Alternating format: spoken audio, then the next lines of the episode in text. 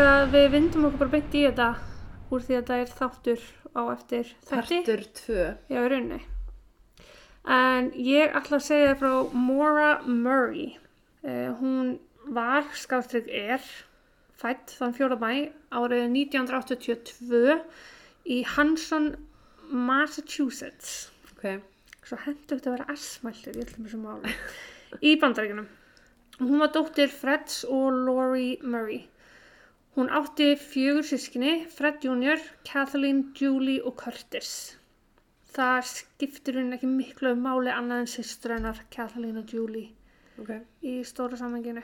En fóreldra Móru skildi þegar hún var 6 ára og hún ólst upp hvað mest hjá móður sinni á samt sískinu sínum og gekk í Whitman Hanson Regional High School í Hanson. Það sem hún var meðal hann stjarnar hlaupaliðsins, svona svo við. Emitt. Eitthvað hefur henni gengið vel námslega því að eftir útskrift komst hún inn í United States Military Academy í, West Point og ég ætla bara að kalla, skólinni kallaði West Point, en Ok. ég ætla bara að kalla hann það hérna. Það er sem hún lærið efnaverkfræði, en því námu lauk hún ekki sem ég kem aðeins betur að á eftir og hún færði sig yfir í hjúgrunarfræði í UMass eða University of Massachusetts. Ok. Uh, henni lísta fjölskyldinu sinni grínlust bara orðrétt. Svona þetta er bara tekið af vefsíðu um hana sem fjölskyldan heldur út. Hún inn á ástryggu heimili, var bara leiðbent mjög vel í lífinu, fekk bara veist, flott uppveldi. Vel er balinn, hún var overachiever. Ég veit ekki hvað íslenska orðið yfir það er. Nei, en ég veit minna. Já, bæði námslega og félagslega og hún var mjög virk innan samfélagsins og í félagslífinu og er þekkt fyrir gott hjarta, eða bara fallegt hjartalag, fallega spjökoppa og brosi sitt. Og þetta er bara almennt mjög sætt stelpa, sko. Uh, Hún tók virkan þátt í öllu íþróttu tengdu og hún ferðaðist mikið vegna þeirra íþróttu sem hún stundaði, körfubólta og hlaupin og alls konar. Hún var með bila keppniskap og var þannig eins og ég sagði aðan stjarnar í hlaupuleginu og vegna velgengnis bæði í skóla og íþróttum var henni bóðu skólastyrki bara í mörgum háskólum innan bandaríkja. Uh, og ef ég held bara aðeins áfram að segja frá henni eins og fjölskyldan lýsir henni þá fór hann í West Point Heilskólan. Sýsturnar hefði farað ánga líka og hún vildi feta í hennar fótspor. Hún hefði sett sér bara stóra hálit markmið uh, að starfa innan hersins en ákvæmstu eftir þrjár annir að herin væri kannski ekki fyrir hana og þess vegna færði hún sig í hjúgrunum. Ok. En það sem að fjölskyldan segir ekki frá uh, inn á þessu síðu er eftirfærandi. Að sögu moru hefðunlega séð var bara svolítið þvert á upplýsingu fjölskyldunar. En með engum móti gera það minna úr þeirri personu sem þau segja hann að hafa verið, skilur. Hún hefur Nei. sjálfsagt verið bara mjög góð og dugleg og, og allt þetta. En það er kannski ágætt að taka fram núna að tímabilið sem ég er að tala um er 2003 til 2004. En fjölskyldan segir að hún hafi vilja hætta í West Point og færa sig í hjúkunina. En hún hætti ekkert sjálfviljug í West Point. Átti að reka hana fyrir þjófnað. Shit. Hún hafði stólið málingadóti úr einhverju búð með vingunni sinni og verandi í virkilega virtum her skóla með bara mjög stífa stefnu væntalega uh, var það bara með engum móti liðið að nefnendur gerði segir um þjófnað. Uh, hún barðist við átröskunni sjúkdóm, búlimíu og fjölskyldan hennar var ekkert alltaf stuðningsrík og gerði bara frekar lítið úr hennar sjúkdómi. Þú veist, gerði hálfgerð grína henni bara, þú veist, akkur þetta æla þú ætlar ekki að borða, akkur þetta borða þú ætlar að æla, Já. þú. Akkur var svo matnum. Já, hann nákvæmlega sem þú sagði, bara þú þarft ekki að búa til ploss fyrir matinn Oh. þú ætlar hvort það er ælunum sem er bara mjög sorglegt og umlegt og stuðningslítið og segir kannski svolítið til um skilningin og þekkingun á sjúkdónum á þeim árum sko. En á meðan námiðan stóð í hjúknarfræðinni í nómur 2003 var hún kærið aftur fyrir að stela kreditkorti og eigða þaðan út af 250 dólarum sem er ekki stórvælu upphæð en einhver síður ólulegt. Uh, hún var þó með eitthvað afsökun á því að hún hefði rekist á kvittun í ruslatunni innan háskólans bara með öllum kreditkortu upplýsingunum á. Og það eina sem hún virðist að hafa eitt peningunum í var bara bölk kaup af mat. Þú veist, hún keitti bara mat Ok, spes. Já, það við kemur málinu lítið en ég las einhver um að vegna átúst, hún var með átröskun Já. að það geti hafa tengst í eitthvað að þeir sem eru með búlimi eða til að borða og borða og borða og svo kastu. Þeir gera það, Já. já. En þetta var bara, þú veist, það er bæði tala um að hún hafi verið að panta pítsur og hún hafi farið upp í búð. En fyrir þetta hlaut hún þryggja til sex mánuðar skil og spundun dóm. Það Ok. er ekki neinar, eins og ég var að segja frá því ég var að skrifa um málið, að það er ekkert staðfest einhvern veginn um þetta. Ok. Það eru svo margar heimildir uh, og margt misvísandi. En til að halda áfram hálfgerður sorgarsögu þá virðist vera að samband Móru við fjölskyldunum sína hafi bara verið frekar styrt. Julie, aldrei sýstu Móru, let hann að finna fyrir því að vera kannski ekki alveg eins mikið til fyrirmyndar eins og hún ætlaðist til á henni. Uh, láta svo gott sem reka sig úr herskólanum og í ofanlag er nefnt að Móra hafi verið mjög afbrjóðsum út í velgengni Juliar. Þú veist að hún Ok. hafi verið í West Point, gengið vel Já. og allt þannig. En sko, Móru gekk samt alls ekki illa í skóla þó hún hafi, Nei, þetta bara smá feilspor Já. sem að hafi mikil áhrif. já. Uh, Kathleen, sýstir Móru, hafði fetað svona frekar erfiða braut í lífinu sem var fjölskyldinu mjög erfitt og bara svolítið tabu eins og vill oft vera. Hún var handtekinn fyrir að rækta gras og hún var inni út úr meðferð. Svo einhversi nefnt, það tengir svolítið sögunu setna meir en samt bara í mjög litlu magni. Uh, en þess vegna er ég að taka þetta fram núna. Já. Núna er svona stóra læginu komið sem er allt svolítið mikilvægt hvað máli var þar til að fá okkur mynd á það sem koma skal. Þú veist, það var hana smá vesna á henni, hún var samt duglegur námsmaður. Fjölskyldan segi þetta. Já, samt ekki fjölskylda með ykkur svona svakalega ímynd á henni, sko, sem þau rík halda í, sko. En 5. daginn 5. februar árið 2004 mætti Móra til vinnu. Hún vann sem svona campus security innan skólans. Uh, þetta var bara skrifstofstarf sem öryggsverði þar sem hún var að tjekka á skilríkjum samnefnda sína á Já. þau löpuðinu skólan. Uh, og það kvöldi vita hún fekk tvö sikkur símtalinn. Annað símtalið var við sýsturinn Kathleen um hálf 11 þetta kvöld. Það er spjallað þarna um eitthvað vandamál sem að Kathleen átti að eiga í, með kærastunum sínum, eða unnustunum sínum. Já. Sér vitað að hún rætti við einhvern sem hún, hún ringir í úr leinunumri. En það er ekkert vitað um hvað við hvern en Ok. eitt. Hringdi hún úr leinunumeri Já, og er ekki að vita hver á síman. í hvern hún ringdi, nei. Já. Ok. En þessi símtöl virðast hafa komið móru í uppnám því að þegar yfirmaðurinn hennar kom að henni alveg frekar löngu setna var hann hágrandi og alveg í mólum. Aðspurð hvað væri nú vel í gangi gat hún ekkert annars sagt en my sister og það væri bara ástæðan fyrir því hún væri svona niðurbrotin. Uh, Yfirmaðurinn hennar ákveð því að fylgja henni bara í herbyggja hennar, henni leist ekkert á móru og það ástæðan sem hún var í, hún var alveg í auglúslegu uppnámi. Yfirmaðurinn bauðst því að vera með eitthvað áfram en Móra bara afþakkaði það og sannfærðana um að það yrði allt í lagi með sig. Uh, segja við henni að herbyggisfélagi sem væri inn í herbyggi, það yrði bara allt í standi. Hún bara geti talað við herbyggisfélagin og, og þetta myndi bara líða hjá. Já. En Móra átti ekkert herbyggisfélaga. Ah. Hún hefur kannski bara viljað frið en samt svolítið spes að ljúga til um þetta sko. Já. Ég meina ef hún hefði sagt bara eitthvað, þú veist, þetta verði alltaf læg. Hversu oft er yfirbarinn að fara á hana? Bara, Já. nei, veistu, ég kem bara með þér. Já, nákvæmlega. En á saman tíma hún á bara sinn rétt að labba inn í sitt herbyggi og bara verið friðið sko. Maður hefði haldið það. En laugardaginn 7. februar kom svo Fred pappinu Móru í heimsók til hennar frá Connecticut. Connecticut. Connecticut. Connecticut. Og samkvæmt Fred fóru þau meðal annars saman að skoða notaði bíla til að hugsalega kaupa af því að bílinn sem að Móra átti var bara henglum. ok. Alltaf bílar og hún var farin að huga því að kaupa nýjan bíl og svo setna um kvöldi farað út að borða með vinkonum Móru sem heitir Kate. Eftir matinn fara tvær sögur af. Fred segir annars vegar að hann hafi keirt Móru og Kate í vinnbúð þar sem hann stukku inn og hann beði bílnum og hins vegar að það hafi farið inn í vinnbúðina og hann síðan farið á eftir þeim til að reka á eftir þeim bara halló, trífa sig, veist, ekki fyrir svona lengi. En þau hafi síðan farið á mótili sem að Fred ætlaði að gista á og Móra hefði fengið bílinn hans að láni.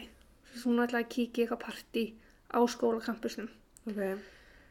Þannig fá bílinn lánaðan, mæti partí, heim og sofa og skila bílinn morgunin eftir var planið. svona, þú veist, ok að því ég er ekkert sem að pappa minn myndi lána með bílu sinni eftir að hafa kert mig í vinnbúð Uh, nei, af því að hvert að fara að kera heima. eða veit en hún mætir partí upp úr hálfa 11 og skemmti sér bara vel það er ekkert annað vitað um það en bara hafi gengið jól og fjör hún fær svo um hálf þrjú aðfara nótt 8. februar einnig fara tvær sögur af því hvort hún hafi farið eina ekki sumir segja hann hafi farið eina en aðrir er alveg harður á því hún hafi farið með einhvern strák en enginn gætt sagt til um með hverjum eða gefin eina Já. lýsingu á viðkomandi en hún fór ekki heim því að klukkan hálf fjögur er hún að keira veginn í áttamótulinu sem að pappinu var að gista á þegar Hún hún að drekka. kemur ekki fram Ok. þegar hún keirir utan í vegrið og veldur verulega tjóna á bílnum sem sko nam á þeim tíma 10.000 dólarum. Sem er rosalega mikið tjón. Laurugla mætir á svæðið, þá er Móra ein og ekki með nefnum strák og, og það er tekin annar skýsla um málið, að gera skýsla um málið. Og lauruglan tók ekki af henni neginn áfengspróf en eitt því um líkt og því er ekkert vita um ástandi á henni við sleysið. En hún var sjálf í fullkomnu lægi, ekkert slösaði neitt hannig, hún var bara skelkuð og smeyka sig að pappa sinni hún hefði rústa bílnum. Já. Henni er svo kyrt á móteli af lauruglu og pappina segist ekki að tekið eftir að Móra hafi einhvern tíma skilur inn í herbyggið þess að hann hafa bara ekki vaknað við það uh, fyrir setni á morgunin en hún ringdi samt í kærast sinn sem hún átti hana sem heitir Billy úr símanmars Freds um miðanótt og hann var ekkert var við það Ok. Fred, er það pappin? já, Ok. fyrir ekki en Billy og Móra voru í fjársamöði og því hefur hann ekkert komið við, við sögu fyrir núna og kemur svo sem hann, þú veist, í svo sem ekki drætta neitt Nei. þannig lagði frekar sko Ok. Af hverju voru þið að gista á mótili en ekki heima af henni? Að því að hún alltaf bara bjóða heima veist. En hverju var hún að gista á mótilin? Af hverju gista hún ekki bara hún, heima? hún átti ekkert að fara á mótið Nú, ok, hún kom bara þarna. já, Já, og ok, planið skil. var að fá bílinn, fara heim, sofa úr sér og skila bílinn sem deginn eftir Já, ok, en hún ákvað samt að fara. Já. Já, ég skil. Uh, en hún ringi sérst í Billy, þau voru í fjársamandi, eins og ég sagði, og hún er að ringja hann um miðanótt og hann svarar samt. Og hún er bara í miklu uppnámi, væntalega bara því hún rústaði bílnum. Mitt. Og hann lofar hana þegar leið á daginn, bara næsta morgun skilur þegar hann verið vaknaður. Uh, kannski ágætt að nefna að þetta samband var svona frekar sérstakt í ljósi þess að þau voru bæði að halda fram hvort öðru. Já. En samkvæmt mömmu Billys voru þau bara óbúslega ástfangin og hún var í aldrei neinu vafa um að Móra elskaði svon sinn. Já, ok. Uh, en þau voru greinlega þetta náinn allana að hún ringir í hann um miðanótt. Og segir honum frá því að það er gerst. Já. Þau hefðu sérst kynst í West Point hún alltaf farið þaðan Já, já, já. og hann innan hersins og er deployed svona á milli staða og eitthvað. Hann að, en já, bara mjög undarlegt samband. Uh, sitt sínus hverjum. Mitt. Um, morgunin 8. februar segir Móra pappi sinu frá slýsinu og samkvæmt honum sjálfum var honum bara svona nánast sama. Okay. Þú veist, hann var ekki reyður út af bílnum og bara fegin að hún var í lægi. En það var sko glær nýr bíl. Já. Það leistist bara úr þessu tjóni og hann átti að fá það bætt og ekkert vesen. Þannig að, úst, bara, Bara, fínt. já. já.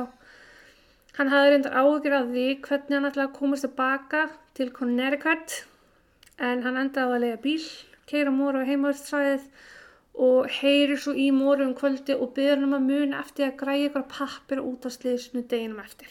Ok. Þú veist bara, þú ert tjónvaldurinn, þú þarf að græja þetta og skrifa til þetta og skilin þessu til trygginguna þannig ég fá þetta bætt. Tæpum tveim tímum eftir hún spjallaði pappa sinn og þá núna komin aðfaranótt mánudagsins 9. februar skoður hún MapQuest. Það er vefsíða bara til að fá vegavísa, kort, leiðbynningar til alls konar Ok, staða innan svo- bandaríkina bara Google Maps nema Já. þá og hún leitar þar að veguleiðbynningum til Berkshires og Burlington í Vermont Hvað sem er í þryggja og fjögur og klukkustunda akstursfjallæð Ok. frá Amherst sem að sem skól, UMass skólinn er í uh, hún skrifaði svo Billy kærast sínum sko tölvupóst klukkan eitt saman dag um daginn þá 9. februar sem stóði I love you more stud, I got your messages um, but honestly, I didn't feel like talking too much of anyone. I promise to call you today though, love you more. ok, Svipaleiti hún hefði sendt hann tölupóst þá hefði hún heyrt í eigundum á íbúð sem hún og fjölskyldan hennar hefði oft valið í upp á að fá íbúðan á leigu. Því var neitað en svo íbúð var í Barlett í New Hampshire í þryggja og háls klukkustundi akstursfélagið og alveg aðra átt en þessi tveir staðir sem hún hefði upprunalega verið að sko þess að fá vegaleiðbyrningarna til. já, já. Um 13.13 heyrði Móra í vinkunni sinni sem var með henni í náminu. Það fegst aldrei staðfest um hvað það rættu og það skiptir í sjálf og sér voðalega litlu máli. já, þetta er bara svona, hey, checking up. Já, en um hálf tvö eða kortur síðar sendi Móra tölvupóst til vinnuveitur síns innan skólans um að hún væri að fara út í bænum og þurfti viku frí vegna andláts ættingar síns. Hún sagðist alltaf hafa samband við þau þegar hún kemur aftur skólan en málið var að það bara hafði enginn í hennar fjölskyldu að veina upp dáið. Svo það var bara uppspunni. Hálftíma síðar heyr hún svo í svona hálf, ég skil hálfgerpi, hálfgerðu hótelbókuna símanúmeri ok, til að reyna að bóka hótel í Stóf í Vermont. Það er í tæprið þryggja klukkustanda axtursfjölaði frá henni og þó nær þessum tveimur stöðum sem ég nefndi henni í byrjun þar sem hún var að leita leiðbyrninga til að komast að. já, En það var eitthvað bíla þessi þjónustaf þannig að einu sem hún gæti gert var að hlusta á eitthvað þryggja minna kynningu um svæðið. Veist Já. þetta var bara svona, hér getur þú bóka hótel, skíðasvæðið, þú veist þannig. já, einmitt Fljótlega eftir það símtal skildi hún eftir mínútu langt skilabóð á símsvara Billy þar sem hún lofaði að heyri honum almennilega fljótlega. Þannig okkur smá recap. Hérna er hún búin að aðtöða með leiðir til einhverja tvekja staða í Vermont. já, Hún er búin að reyna að bóka sér íbúð fjarrri þeim tveim stöðum sem hún voru að skoða. Hún er búin að ljúga til um döðsfall ættingi síns og reyna að bóka sér hótel og skilja sér eftir frekar undarleg skilabóð á símsvara Billys. já, Þannig við getum bara verið sammála um að hérna er hægðurinn orðið frekar random og svolítið skrítin. mhm Hún pakkar saman þegar hér komum við sögu, fötum, snirtidóti, námsbókum og getnavarnapillunni sinni. Fær svo út í bíli sinn og keirir á stað klokkan hálf fjögur að degi til. Þennan dag var spáð snjóstormi, skólanum hefði meiri sér verið loka vegna þessa og því hafði hún lítið erindi að vera að fara eitthvað á rúndin. Þannig er bara búið að byggja fólk um að halda sér inni og, Já. og þú slagja á. nema eins og ef við sjáum snjóstormin í Delphi þá var vist ekki snjóstormin en þeir Nei, kallaði já, það. emitt. Það er kannski ekki munur á okkar snjóstormu líka og snjóstormu í bandaríkjunum. En þetta er samt alveg þannig svæði, skilur, að þau fá alveg, þú veist, þungu erfi viður, sko. Uh, tímýndum eftir hún fer frá skólanum, hún sérst á eftirlýsmyndalum og það eru vitnir sem að bara geta staðfest að hún fór úr skólanum þetta leiti. Uh, hún stoppar í hraðbanka og tekur þar út 280 dollara sem var bara aðlegan hennar. Ok, þú veist eftirlitsmyndali sína hún hafi verið þar ein þegar hún gerði það.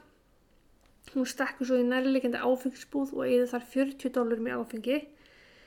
Sko ég hef nú bara 40 dólar fyrir allt þetta. Hún kemst sko flösku af Baileys flösku af Kalúa, flösku af vodka og belju á rauðunni sæl en hún var líka ein að kaupa það Eftir þetta fer hún svo og sækir pappirina vegna slissins á bílpappinar eins og þau rættum hún ætti að gera. Þannig raunnið, þú veist, hún heldur sig við það sem hún átti að gera, Plönin, já. en það er samt svona fyrðulega hegðun með því. Gert er ráð fyrir því að hún hafi yfirgefið Amherst, sem er að bærin, einhver tímanum milli fjögur og fimm þannig dag og þá kyrt í norður á svona milliríkja vegi. Þetta er bara Já. svona vegur sem liggur á milli ríkja og það er þá vegur nummer 91. Þetta er bara hálfgerði þjóðvegur sko.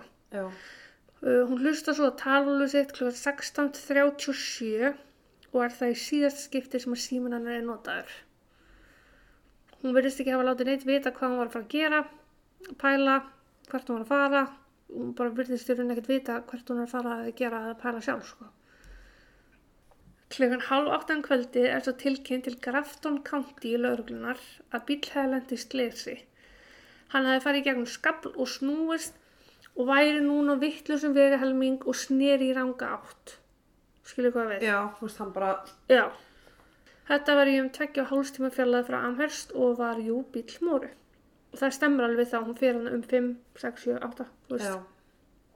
Og þessum hluta vegarins er hann alveg, þetta er alveg frekar kröpp og aflýðandi að beigja. Konan sem að tilkynnti sleysið eða bílinn sagði fyrst að hún taldi mann sitja inn í bílinnum og hann var að reykja síkartu en setna dróða tilbaka og sagði líklega að það hefði verið um að raukt ljós innan á bílinnum. Þú veist, hvort sem það hefði verið loftljósið eða hvað sem er. En samt maður.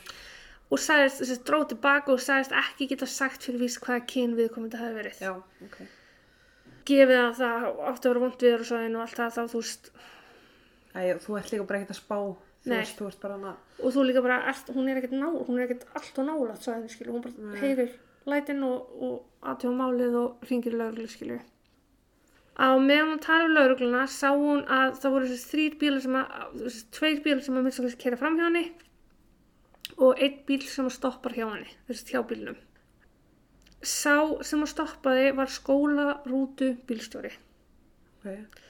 að nafni Butch, Butch Atwood. Hann talaði við Móru, spurði hvort allt var lægi og hvort hann ætti ekki að skjótast heim og ringi laurugluna e, eða fá ykkur aðstóð. Móra á að hafa neitað því og sagði að það verið búin að ringi í AAA eða bara svona veg þjónustu fyrirtæki, eitthvað Já. svona, já. Butch leist nú ekki alveg á það þar sem hann var ekki neitt farstíma samband á þessu stað og hann Já. vissi að hann þyrfti að, veist, fara heim til sín og kalla já. aðstóð.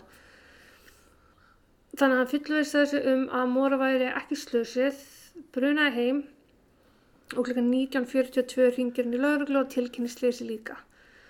Butch sagði laurugluna að Móru hefði virst brauðið og hún var sjálfsagt köld, loftbílunir í bílunum hefði sprungið, framrúðan var í brotin en hann hefði ekki getað síðan en að sjáala áverka á henni eða blóð í bílunum eða neitt svo þess. Lauruglun var mjög snögg að mæta slista og mætir hann bara fjórum mínútum eftir að Butch ringir. Ok. En þá var Móra hvergi sjáanleg. Lauruglan tók þó eftir að bílnum hefði verið læst. Þess að fjórum mínútum. Þá var hún horfin og bílnum læst. Ok. Rauðvinspæljan lá í bílstjórnsætinu. Rauðvinsplettir upp um og út um allt í bílnum. Tusku hefur verið trúið í pústi aftan á bílnum. Það kom nú svona skýring á tuskunni setna mér sko. Þú veist, Ok. Ég þarf ekki að býða eftir að segja það. Pappinar hafði sagt við hana að þetta voru svo svakalega pústljóðin í bílnum hennar að trúða tusku þangæðin til þess að dempa það þannig að mengunin var ekki ómikil og hljóðmengunin. Ok. Skilju. En ég meina að gera ekki bara verkum að mengurinn fyrir inn í bílinn. Ekki virðist, nei. Ok. Og þetta, ég aðtöða, ég heyrði í tveimur aðalum sem að að þetta væri alveg aðferð sem að, Sem er gerð. sem er alveg gerð en þetta er samt alveg old style. Veist, þetta er ekkert, það er ekkert mælt með þessu. Nei. Og yfirleitt þá bara hrekku tuskan út úr pústinu Já. vegna útblást, útblástur.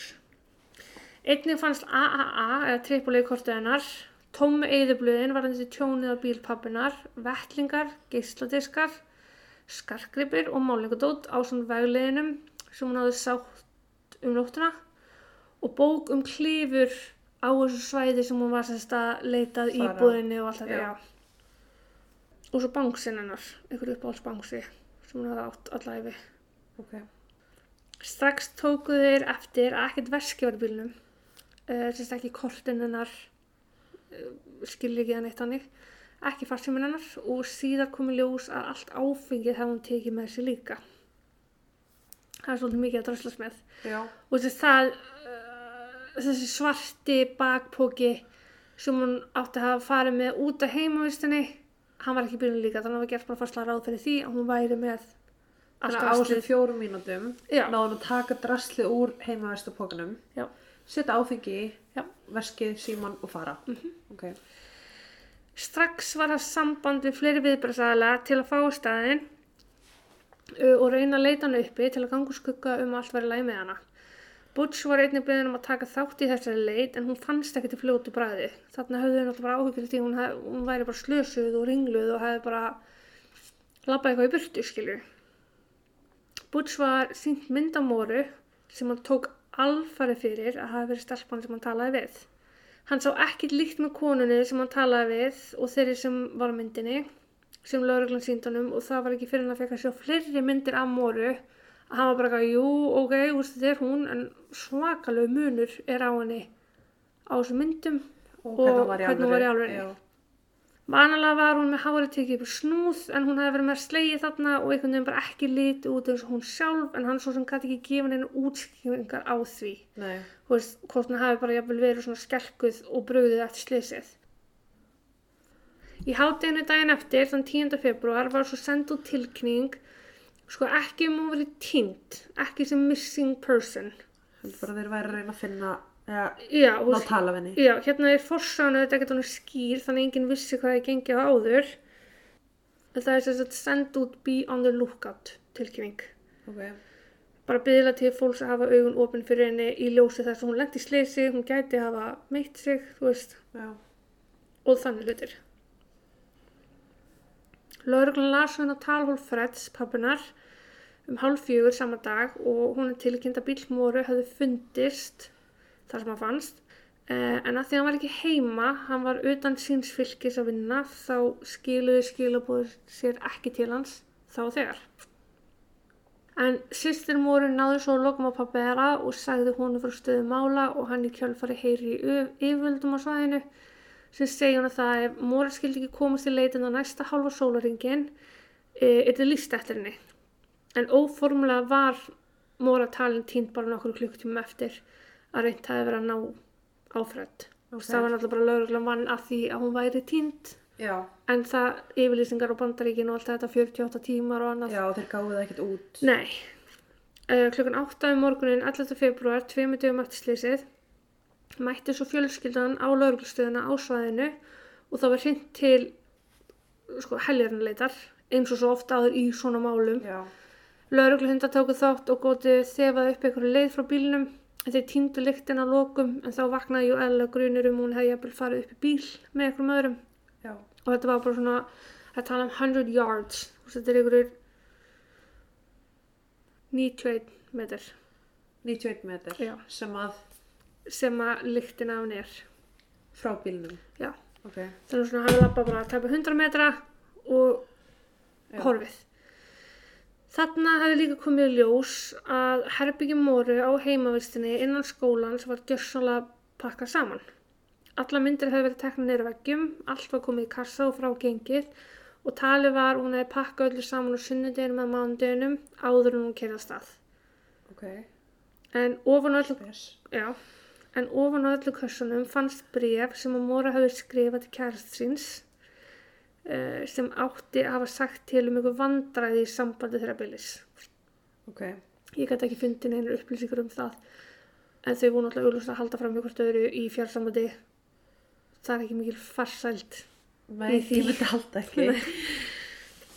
Klukkan 5 um daginn, þarna 11. februar, mæti Billy á lögreglustöðuna á samt fólður sínum, kæristinn, og er hann tekin í smáis yfirýslu, ekkert að því að hann lægi undir einhverjum sérstöngum grun, Þetta er bara spjall. já, bara til að fá stöðum mála og geta fengið aðeins skýrari mynd á dögunum og því sem hefði áður á gengið. Og þá segir Billy að hann hafi fengið skilabóð í talhólu sitt á meðan hann var í fluginu, þessi stangað, og hann grunaði að skilabóðum væri frá Móru. En eina sem heyrðist var bara grátur og eitthvað svo. Ok. Það var rakið og það var rakið til símakorts á vegum Rauðakrossins. Svo er það bara ekki rétt neitt frekar. Þannig að það verðist ekki skipta miklu máli.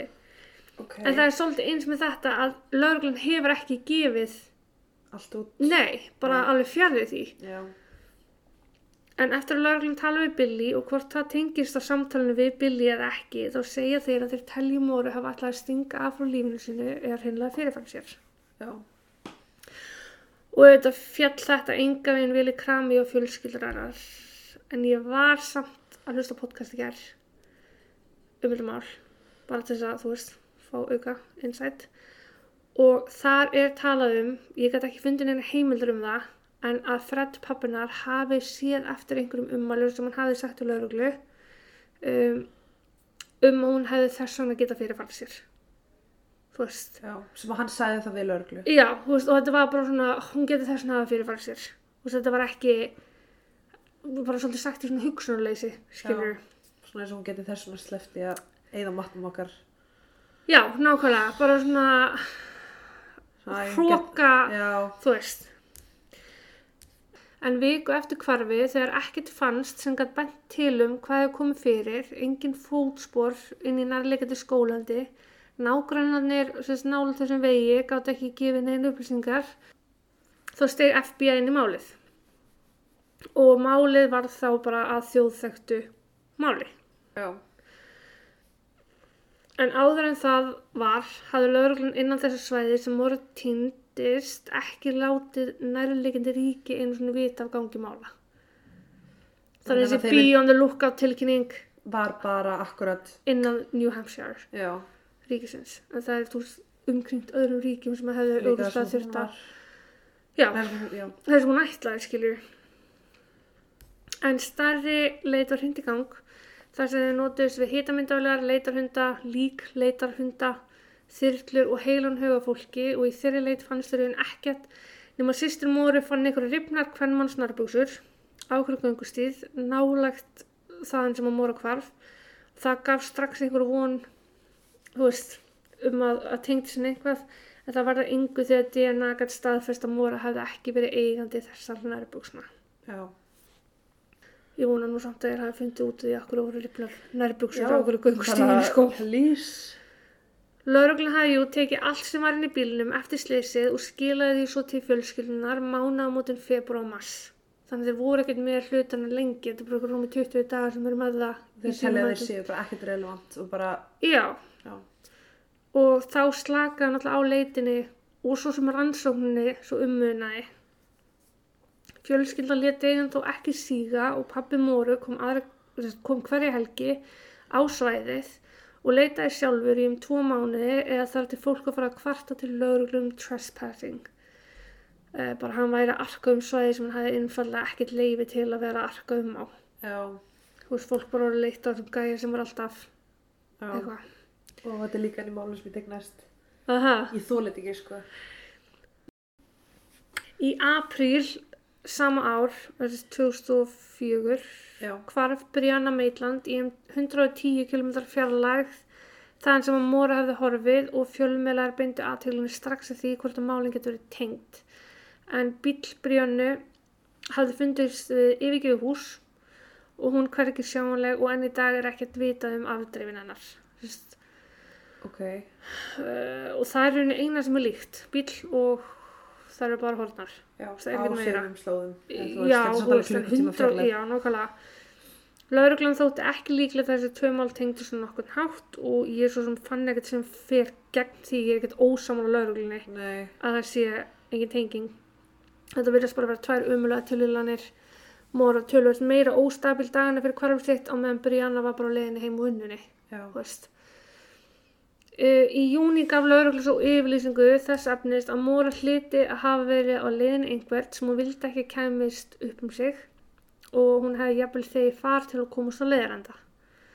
Þá sögðu þeir að ekkert benti til að neitt saknæmt hefði komið fyrir hana og neituðu öllum yfirlýsingum og kenningum sem að aðri höfðu sett fram mánuðin eftir hvarfið. Þannig að þarna var fólk bara þetta hlýtur að hafa gerst eða þetta geti að hafa gerst eða þetta eða fjölmjöla með sína kenninga líka og lögreglum var bara, þú veist, ekkert að þessi rétt hætti þessi kjartæði. En úr því að Móra týnist um hávetur varðu þetta að leita á svæðinu þegar snjónum væri farin og gerði yfirvöld það 1. júli 2004, samár. Leitin var ekki nema eins og háls kilometra radíus í kringu svæði sem að bíl Móra hefði fundist. Þessi bílinn hérna, þá var bara þessi hérna ringur já, og ekkert meira. Einn og hálfur klukkutími, nei, einn og hálfur kilometr er bara mjög lítið já, Það er mjög auðvitað langt- þú getur með, þú veist, beili svo eitthvað. Nákvæmlega. Og leitin var alveg bara til að sjá hvort þessi bakpóki myndi finnast aftur sem að þeir vissu að hún hefði farið með og, sagt- og þá kortin hennar eða sími. Svo leit skilaði engum árangri og þar með líkur allri skipulari leit yfirvalda að moru og við tók bara barningu fjölskyldunar og vina að reyna að hafa upp á henni. Og þá var þetta fjöldi fólk sem var að reyna að taka þátt með fjölskyldunni í því. Og meðal annars var maður uh, sem að hafði samband við Fred pappinar og kom á hann blóðugum hníf. Af því að hann sagði þess að bróður sinn og konan hans hefðu verið að hafa þessi skringilega dagana í kringu kvarfið um, og var þess að reyna að bendla þau við málið. Ok, og reyna að fá það í gegn. Uh, það kom svo sérljós að viðkomandi var einhver aumingi bara í leita peningum ok og varð bara þannig að reyna að ná sér eitthvað vel, veluna fjö. En myndi þetta samt að því ég kem aðeins aftur, aðeins þess að eftir. En þetta leit voðlega, var ekki tekið DNA það það er bara það, það, nei, jú, en þess að það bara, og það benda ekki til nei, ekki neitt. það var þess að bara blóður honum eða Já, þú veist, þetta var bara bullshit, að skilju. Fjölskyldan var alveg handviss um að einhver sagnæmt hefði átt sér stað og að Móru hefði verið annarkvært rænt eða ráðum bani bara sama kvöld og hún hvarf. Hún hefði bara ekkert lifað lengur en það. Pappina margrindi að byðla til bæði ríkistjóra í New Hampshire og bara almennings um aðstóð við leit á dóttur hans en það skilaði ekki miklu og tíminn leið og að árið liðinu frá hverfi Móru var haldin aðtöfn við veginn þaðan sem hún hvarf henni til minningar. Svo verðist lítið gerast í nokkra mánu að það til Fred kæri laurugluna sem hann syndi upprunlega rannsókn málsins og vildi þá fá öll gögn er varðaði mál dóttur hans. Það gekk ekki þar sem málið var og er ekki lokað og því ekki hægt að láta gögnum frá sér. Sem make alveg sense, Mhm. þú veist. Fljótlega eftir það var einhver notandi sem að kalla þessu Tom Davies inn á einhverju svona spjallveitu veist, sem voru á þessum tíma já, sem bjóð til umræðu þráð um málið og sagðist að við sé svartan bakpoka á bakvið svona reststopp baðherbyggi uh, í um 50 km fjallega frá Slýstað. Þetta var aðtöð og, jú- og jú yfirvöldi jonkuði því að þeir vissu af þessum ummælum og vissu af bakpokunum en þeir sögðu ekkert meira um þetta. Bara hvort að bakpokin hafi verið skoðaður, hvort hann hafi verið sóttur, hvort þetta hafi verið aðtöð at all, skilur var þetta hennar, var þetta ekki hennar? Já, og þeir vildi ekkert upplýsa um þetta þannig að sem ég sagði um þeir eru svolítið svona að halda öllum upplýsingum hjá sér. skilur já, Svo árið 2006 tóku nokkru yngarspæjarar, tíu fyrirvendur lauruglumenn og rannsóknumenn og minningarsjóður annara stelpu sem hafði horfið og fundist látin nokkrum árum áður sér til og unna rannsóknmálsins. Hrind var til frekar leita þó væru liðin annað tvö ár frá hvarfinu og notuðu þessu meðal annars við líkleitarhunda. Sagan segir að í yfirgegnum húsi í um eins og hálfs kilometrar fjallað frá staðnum sem að mora hvarf hafi hundarnir alveg trublast. Þetta er líkleitar hundar. já, Þeir hafi þó líklega fundið lykt að einhvers konar líkaslegum eða blóði eða þú veist einhvað. Sjokkurinn hér er að þetta hús var í eigu bróður mannsins sem gaf Fred hnífin uh, sem að sem sagt hefði gefið honum sem að var ásakur um að vera bara einhver auðmiki í leita peningum. já, Það var tekin bútur af teppi úr húsinu þaðan sem að hundanar alveg trilltust yfir og hann sendur í greiningu en aldrei neina niðurstöðu gefnar út hvað það varðar. hann notar luminol Ég veit það ekki. potið samt En það var alveg tekin þú veist bútur. já, þú veist, bara það að þú notar luminol þá Já, er það sjáðu bara bara, svona já. En sögursagnar voru samt meira þannig að Móra hlýt hlýt að vera grafin í kjallarhúsins eða innan veggjahúsins sko. og það er bara, Frekar en að hún hafi verið okay, var þetta yfirgefið hús Já og nei, en ég kem aðeins betra að þessu eftir. Hér er verðast allar leitir, allar rannsóknir og allt bara hafa stoppað af því tveimur árum síðar, eftir þetta, er svo aftur hundi leitar og það skilaði engu frekar en hinn leitinar. Málmóru var því sendt til deildar kaldra mála í New Hampshire árið 2009 og pappi Móru var náttúrulega bara snarvittlus yfir því. já, Það var bara verið að gefast upp á máli dóttur hans og gáði þá yfirvöld þá yfirlýsingu að þeir vissu ekki hvort að Móra væri fórnarlamb einhvers ódæðis en þó hún væri talin bara tínd innan gerðsalapa þá væri málið rannsakað sem sakamál. já Sem er bara svona ok, það er alveg fer, þú veist. svo lengi sem við erum að gera eitthvað Nákvæmlega, en málið samt var kallt. Þetta er náttúrulega kannski bara því að það er ekkert fleiri upplýsingar til að byggja neitt mál Nei, á. þú veist, þeir hafa ekkert Nei. Við tókum svo bara viðtöl við aðlega Fred, pappina Móru. Lauruglan gaf út einhverju upplýsingar árið 2014, tíu árum eftir hvarfið. Að aldrei hafi komið fram neina ábendingar um að einhver hafi séð moru eins og svo vill oft verða í þessum málum. Einhver tekist hafi séð viðkomandi inn á þessu svæði, inn á þessum bar, í þessari búð, í þessu ríki þetta ár. En það var ekkit svoleiðis. Og svo aftur yfirlýsingu árið 2017 að alltaf væri verið að klukka reglulega í málið en ekkit hafi breyst í gegnum árin. Það var alveg að blítið að vinna með eins og árun undan. Þannig að þú veist, þeir voru alltaf einhvað að skoða þetta, alltaf eitthvað að fikra sig áfram en það bara skilaði þeim ekki neinu. Hirrandi. Árið 2019 var svo gerð leit í húsinu sem ég nefndi áðan, þar sem að lík leitarhundanir urðu alveg vitlusir. En fram með því hafði fyrir eigendur verið svo ofbásla ósamvinni þýðir og ekki leift neina leit. Úr því að það duði til að leitin er það ekki gerð, þá ger ég fastla ráð fyrir því að það hafi ekki verið neitt á þessum teppabút sem var sendur í rannsókn. Þér hefðu ekki dómsúrskurð um að fá warrant. Einmitt. En húsið fór á sölu sem sagt og nýjir eigendur gáðu þarna leifi fyrir leit innan húsins uh, og það var allt bramláða brotið og, og skoða allt, bara alltaf króka og kema að skila ekki neinu. Og þeir sögðu bara að mesta sem við erum að finna hérna eru gamla lagnir og kannski gammal leirtau Oh. og það er ekkert annað. En pappi Móri hafði áður sagt að hann verið vissum að dótturnas var að finna þar inni þannig ekkert annað en brosnar vonir og væntingar hjá greið kallinum. Já. Eh, Það er svolítið áhugavert að þetta er talið á svona fyrstu sakamálun sem að samfélagsmiðlar veldu sér upp úr. eins og við í dag, við erum inn á fullt af grúpum á Facebook þar sem við erum að skoða málumál sem eru ongoing og annað. Uh, það eru podcast, YouTube brásir, allt hannig. Það var ekkert svoleiðis á þessum tíma. Nei. Þannig að það var svona aðtegli vakin á málunu en frekar með viðkomu og tilkomu samfélagsmiðla. Facebook var bara fimm daga gamalt þegar hún hverfur. Já, sæt. Já. En í kringu 2007, þreymar ára síðar, er opnuð Facebook síða bara með þeim tilgangi að fjalla um málið, vekja aðtekla á því með þeim tilgangi að vonandi að finna hana Já. og þar á undan MySpace síður Oh. með saman tilgangi sem er að sko magna því umfjölduna sjálfsögðu var tölvöld meiri bara við það eitt Og samfélagsmiðlar gera hell. Já, þú veist, þú kemur dreifingu upplýsingar miklu, miklu hraðar. Já. En það kemur væntalega lítið óvart því ég segja að hún Móra hefur enn ekki fundist í dag. Mm. Ekkert að vita um hvað gerðist, hvað hún hafi verið að brasa, hvað hún var að hugsa eða gangi í gegnum dagun undan og lítið annað hægt að gera en að velta sér upp úr kenningum og kannski svona útskýra og flækja svolítið gangmála öðru lítið sem ég ætla að gera núna. Hei. ég er ennþá bara fucking strætubölstjóri. Ertu þar? Ég er ennþá þar. Ok, ég skal bara spoila það núna. Hann var hreinsar allan grunn, sko. Ok. Uh, nú þarf ég aðeins að bakka en sama kvöldi og Móra fjökk símtölunin símtölunin símtölin og yfirmaðurinn hennar fylgdi henni upp í herbyggi Já.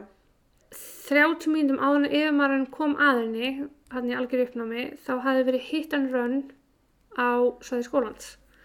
Ungur maður hafði orðið fyrir bíl sem að stakka af og skildi hann eftir svo stórslaseðan með gífulegu höfuðáverka að viðkomandi var í dái í rúmlega mánuð og þegar hann vaknaði vissi hann ekki hvað hann var gamall, hvað það kom fyrir hélt hann væri miklu miklu eldri en hann væri og var bara illa tjónaður eftir slösið skilju en sögursagnir segja að Móra geti hafi þess geti hafa verið eitthvað viðlóðin þetta hún hefði jafnvel verið svo sem að keiriði á hann Hálftíma áður en hún fekk símtölinn. hálftíma áður en að yfirmaðurinn kemur að henni í þessu uppnámi Ok. Hvenær fekk hún símtölinn? tveimur hálfum tíma áður en að yfirmaðurinn kom að henni Ok, ok. Og, sérst, að jafnvel að þetta leyninúmer símtal gæti hafa á einhvern hátt tengst því að þegar leyninúmeri var aðeins nær þessum tíma sem að yfirmann kom að henni. Ok.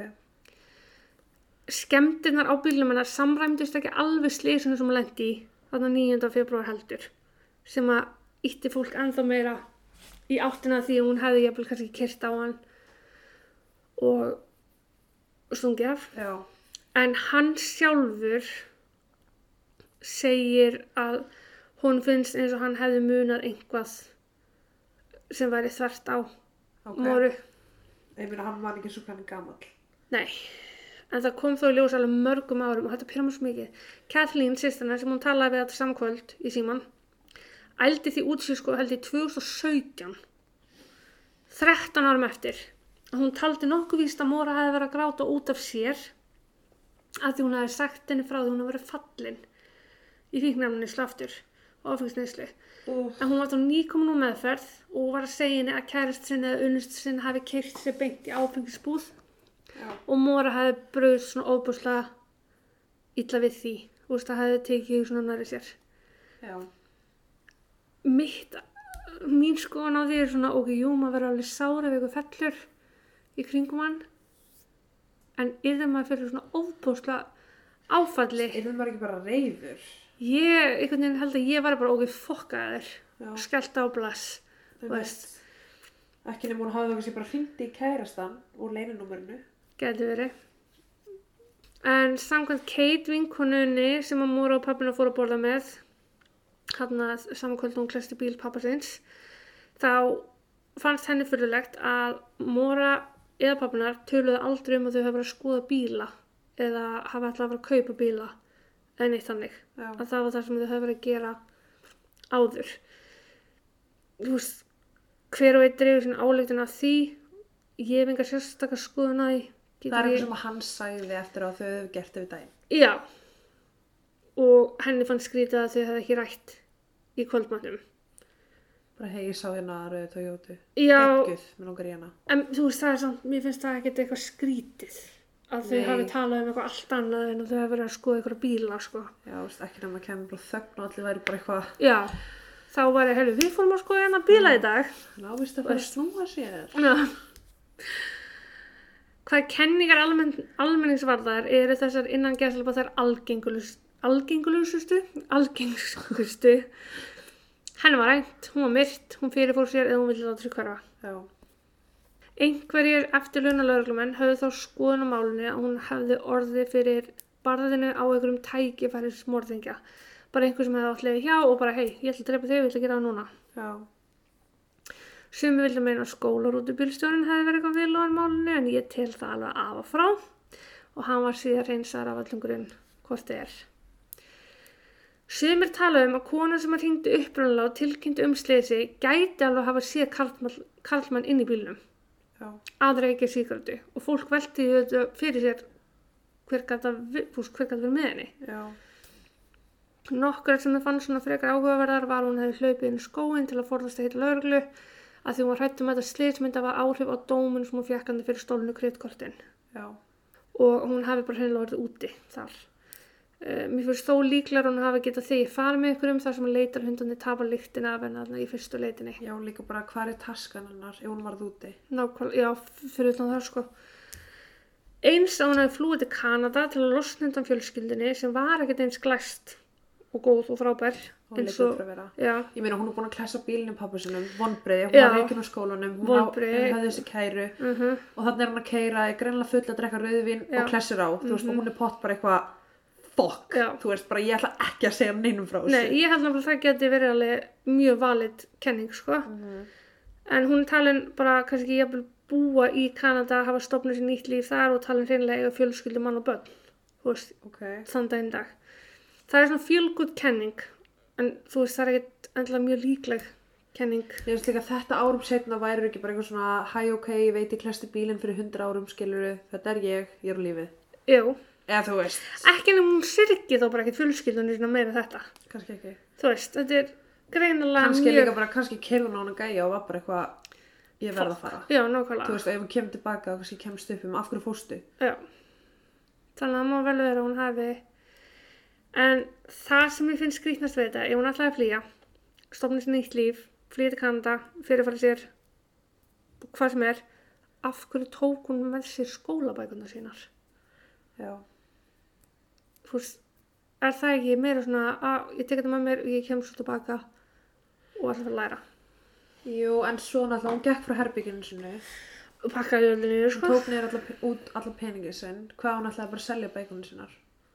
Þú veist, bækunum eru alveg virðið, skilur, þú getur selt bönsa veist, hvað hún hugsaði bara eitthvað, herra, ok, þú veist, 240 dólarar, var það ekki? 80. 280 dólarar, það er aðlega mín. Þú veist hvað á ég að gera bara eitthvað, herri, ok, ég vil selja skólabækunum mín á okkur markaði bara hana, Já, alveg góð punktur sko. gæti verið en á sama tíma spes Mjög spes sko. Aðrir eru alveg á því að hún hafi verið myrt að einhverju ráðumorgja.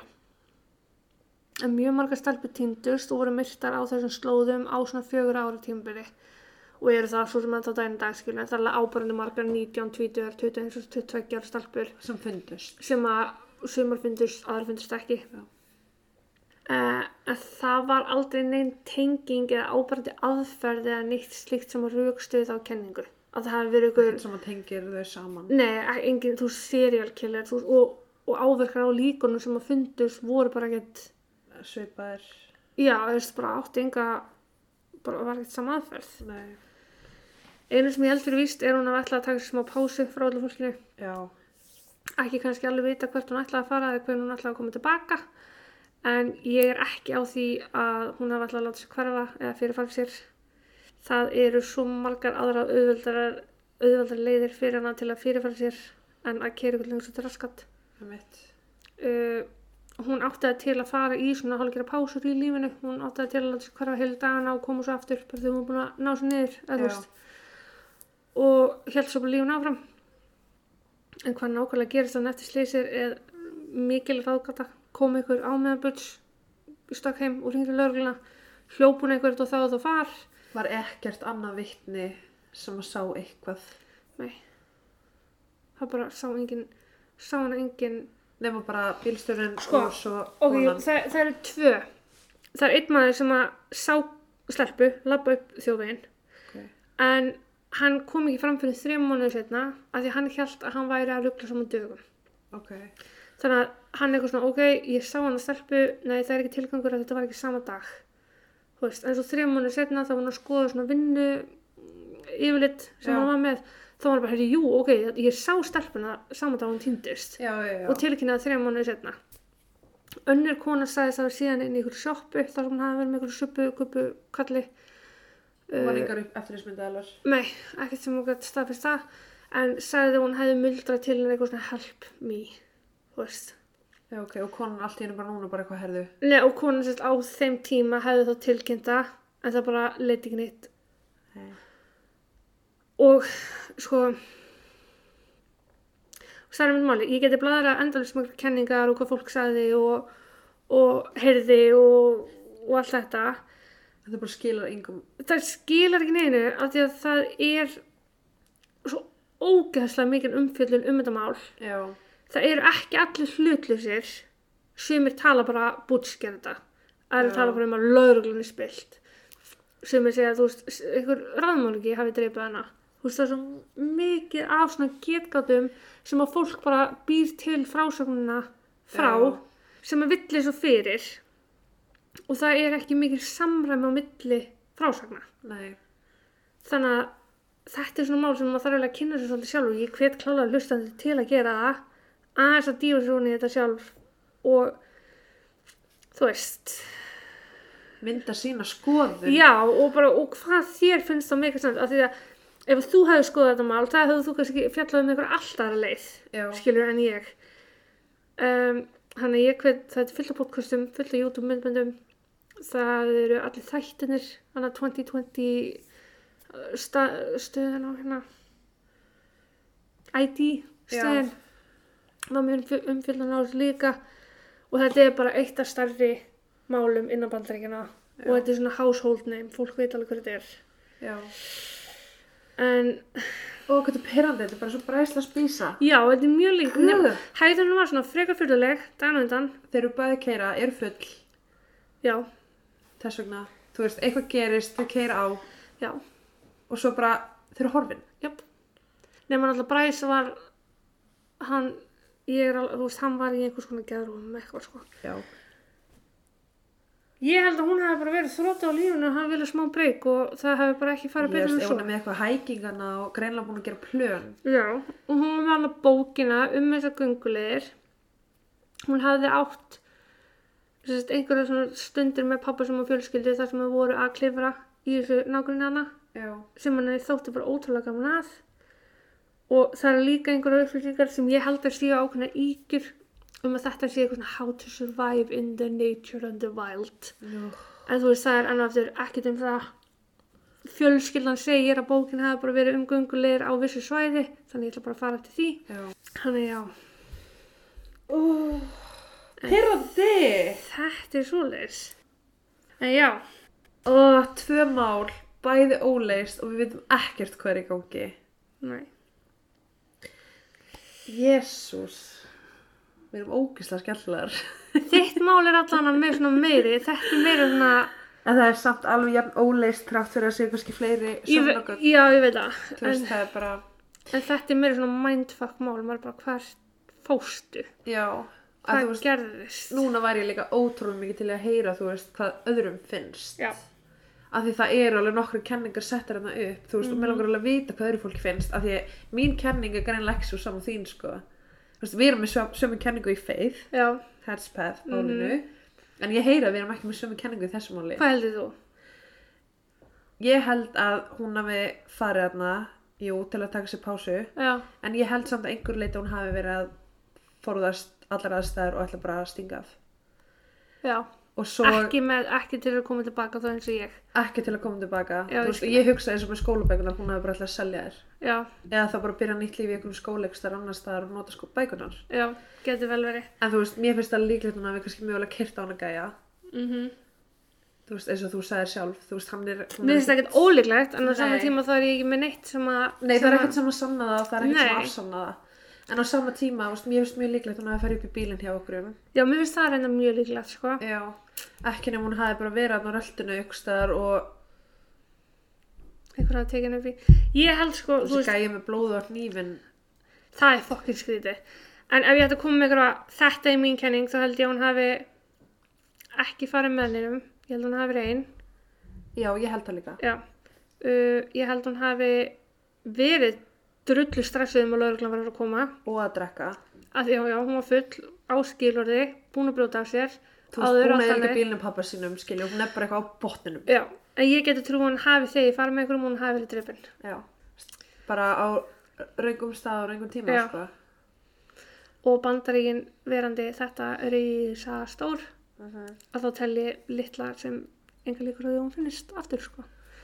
Ég held hún, sko, eins leðilegt að vera að segja, ég held hún sé ekki Kanada bara með fjölsk, Nei. nýja, fjölskyldu. Það sem verið að segja, það er svona mjög good kenning, þú veist, að reyna að láta mann líða vel með, Þú líka, þú mætir ekkert bara, þú veist, í, til Kanada með 280 dólara. Þú Nei. mætir ekkert bara þangað og er svo bara eitthvað, þú veist, herðu já, ég heiti Karolina, þú veist, þú verður að sína upp á ID til að búa til eitthvað.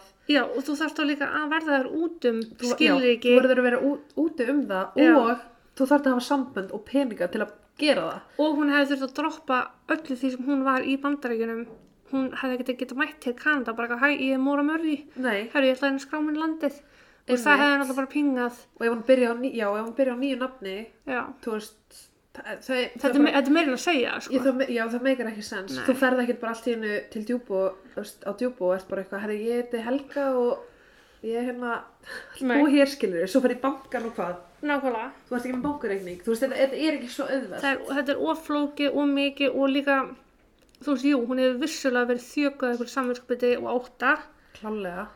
en hvað svo sem Oh, já, það er svoleiðis.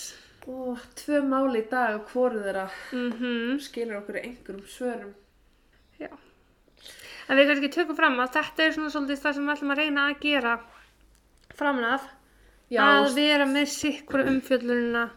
Sérst, þá reyna að gefa tvo þætti í viku já, og þá aðalega, sérst, við viljum ekki vera með bara einhverja þryggja tíma þætti. nákvæmlega heldur að geta að skipta þessu í tvenn þannig að það sé líka auðvöldra fyrir ykkur að byrja á nýjum þætti og vita hvað þeir að fara að hlusta á já, og klára einn melta það og þá geta, geta ný- næsta já, já. ég held að sé svona þægilega og svo er alveg einhver mál sem eru stýttir en önnur og þá sjáum við bara til hvernig Já. við tökum það þá getum við saman það að gefa út styttri þætti sko. já. og það eru líka kannski einhverjir sem hafa tekið eftir að veist, við byrjum svolítið mikið í byrjun að einblina á morðmál já, og við erum svona svolítið búin að færa okkur yfir í óleistmál ég kom þórti sér á þá lest en við ætlum sérst bara í frá að taka fyrir morð um, mannskvörf óútskýranlega döðsföll Mhm. þú veist, við ætlum eiginlega bara að taka þetta allt fyrir Já, þannig að þú veist okkar áhugasvið er bara miklu, miklu breyðara en bara morð.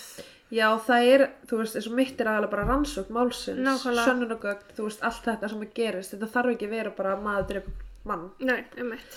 Þannig að já, við ætlum aðeins svona að taka og ef það er einhver mál sem að ykkur langar að heyra þá með endilega láta okkur vita. Endilega, af því að það er ekkert smáræði að taka Nei. og skoða. Þannig að það er alltaf gaman að fá góðar ábendingar hvað það var bara. Já, En ég hugsa að við höfum þetta ekkert mikið lengra. nei, þá bara nýr þáttur næsta miðgdag. Já, og við sjáum þá. Já. Takk. Má bjóða þér að fara á. Takk og bless! Takk og bless.